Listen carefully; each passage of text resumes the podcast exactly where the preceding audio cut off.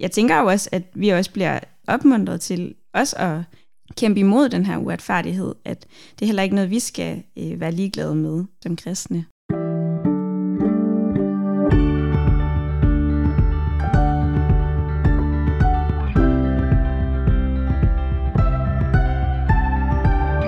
Velkommen til Bible Break, en podcast fra Bibellæseringen, hvor vi læser og diskuterer Bibelen sammen. Jeg hedder Nikolaj, og jeg er vært for podcasten. sidder du der og smiler. øhm, I dag sidder jeg sammen med Christina Eskelsen, som er gymnasiesekretær for KFS i Østdanmark. Vil du ikke lige starte med at præsentere dig selv lidt mere, Christina? Jo, jeg hedder Christina, og øh, jeg flyttede til København for netop at arbejde i Kristelig Forbund for Studerende, og øh, det elsker jeg bare jeg læser kristendom, kultur og kommunikation og lidt teologi, og tror bare generelt, jeg er meget nysgerrig på, hvem Gud han er, og hvem mennesker han er, hvem mennesker de er. Ja. Vi skal tale om nogle salmer. Mm? Hvad betyder salmernes bog for dig? Og det betyder jo mange forskellige ting, fordi salmernes bog er øh, mange forskellige salmer, men noget, jeg godt kan lide ved salmerne, det er, at øh, de på forskellige måder sådan, kan være både bønder til Gud, og også sådan sætte ord på forskellige følelser, man kan have, øhm, både ja, over for Gud og i sit liv. Både øh, jo helt vildt meget glæde og lyst til at prise Gud for, hvem han er, og samtidig også øh, mange øh, klager til Gud, og øh, følelsen af, at oh, Gud han kan være langt væk. Ja, så jeg synes, sådan salmernes bog rummer på en eller anden måde meget af det, som livet altså er, både øh, alle de gode følelser og alle de svære følelser, øh, og dem kan man så komme til Gud med, og det synes jeg jo, at der er jo nogen, der meget fint har sat ord på for mig mm. i salmernes bog. Jeg synes også nogle gange, det kan være en frihed, det der med, at der er nogen, der har sat ord, frem for mm. at jeg selv skal finde på ordene. Ja, ja, præcis. Vi skal starte med salme 11, Mm-hmm. og øh, jeg vil starte med at læse den. For korlederen af David. Hos Herren søger jeg tilflugt. Hvordan kan I sige til mig, flygt op i bjergene som en fugl? For de ugudelige spænder buen og lægger pilen på strengen, for i ly af mørket at ramme de oprigtige. Når grundvoldene vakler, hvad gør da den retfærdige? Herren er i sit hellige tempel. Herrens trone er i himlen. Hans øjne i jagttager. Hans blik prøver menneskene. Herren prøver retfærdige og uretfærdige, og han hader dem, der elsker vold. Han lader glødende kul og svovl regne over de uretfærdige, og en glohed vind bliver deres skæbne. For Herren er retfærdig, han elsker ret, de retskaffende skal se hans ansigt.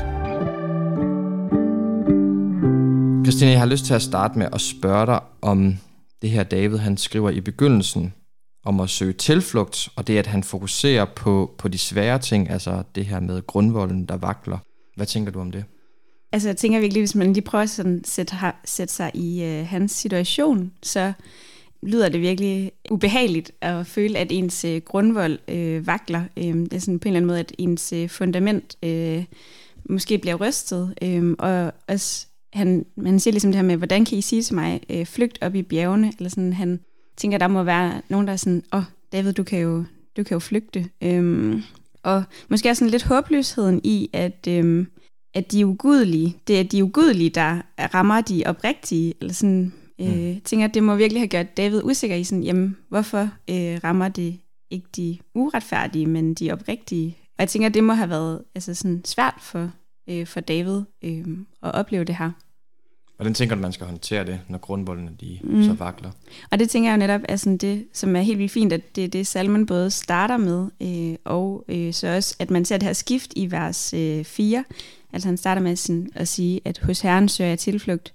Og øh, så kan det godt være, at alt det andet omkring ham ligesom vakler og bliver svært, men han kan gemme sig hos, hos Gud. Og øh, så går der også et skift fra der vers 2 og 3, hvor han har fokus på det svære til så i stedet for at fokus på det, der skræmmer ham, og så ja. have fokus på, på Herren. Øhm, fordi så begynder han at fortælle helt meget om, hvem, hvem er Herren? Øhm, jamen, han er den, der er i sit hellige tempel. Øh, han prøver retfærdig og uretfærdig, og han hader øh, uretfærdighed. Han elsker retfærdighed. Hvad, hvad tror du, der ligger i det her med, at, som der står i vers 4, med at Herren er i sit hellige tempel?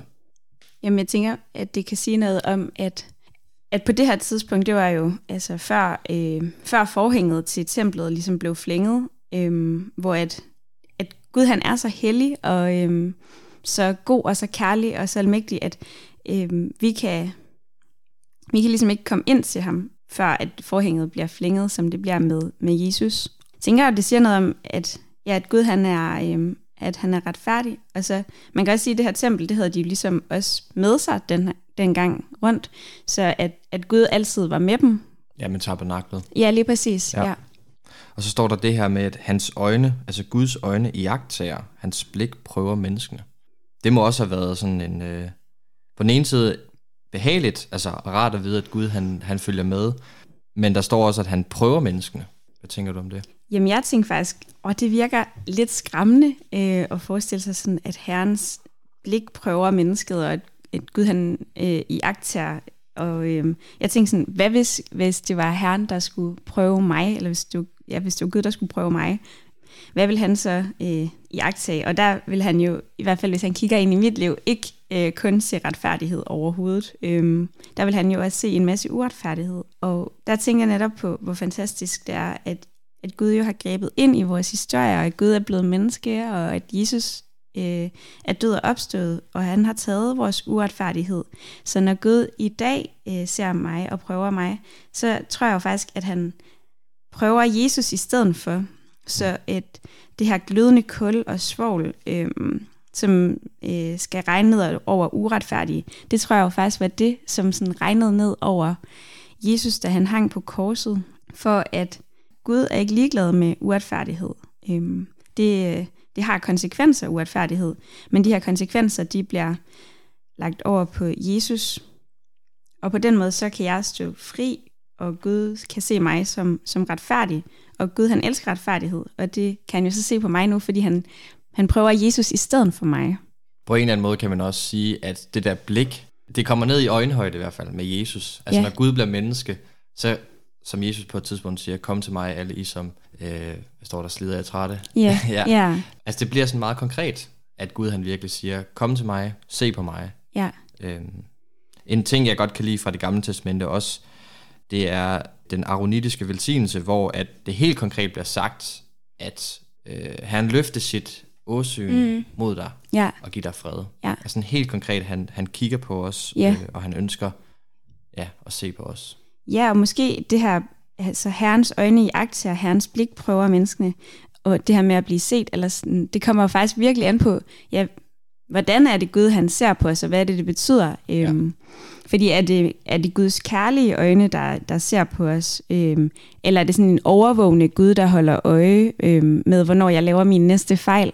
Og der tænker jeg jo, der er det jo vigtigt at huske på, hvem er det Gud han er? At Gud han er kærlighed, så det er, det er Guds kærlige øjne, der ser. Og Guds kærlige øjne kan ikke lide, ret, øh, kan ikke lide uretfærdighed, men, men Gud han er kærlig, så når han, han ser på os med et nådigt blik, og også måske noget af det værste, man kan forestille sig, det er jo, hvis, hvis et, man bliver ignoreret, og der ikke er nogen, der ser en. Øhm, at folk kigger væk, og det er jo på en eller anden måde fantastisk, at Gud han er ikke en Gud, der, der ignorerer mennesker. Gud han, han ser mennesker.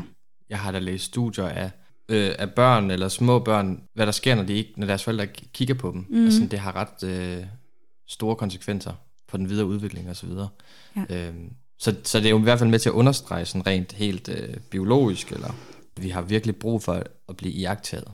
Og vi har især brug for, tænker jeg, at blive jagtaget af vores himmelske far.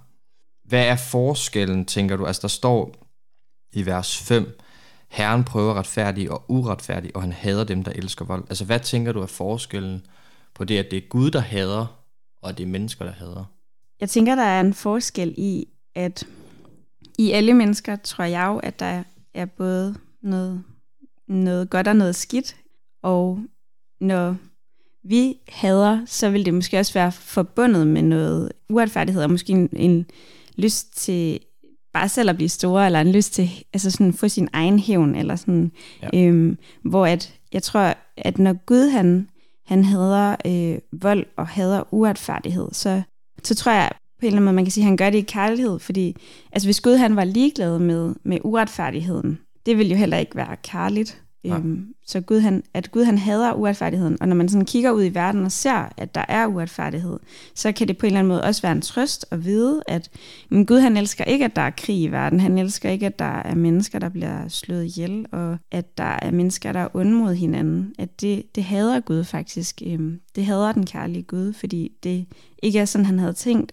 at mm. vi skulle være over for hinanden.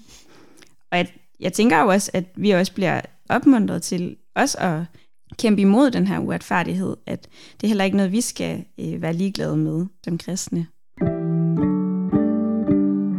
Hvordan tænker du så konkret, at vi skal bruge den her tekst? Altså er det, at vi skal kæmpe imod uretfærdigheden, eller hvordan, øh, hvordan kan vi bruge teksten i vores dagligdag?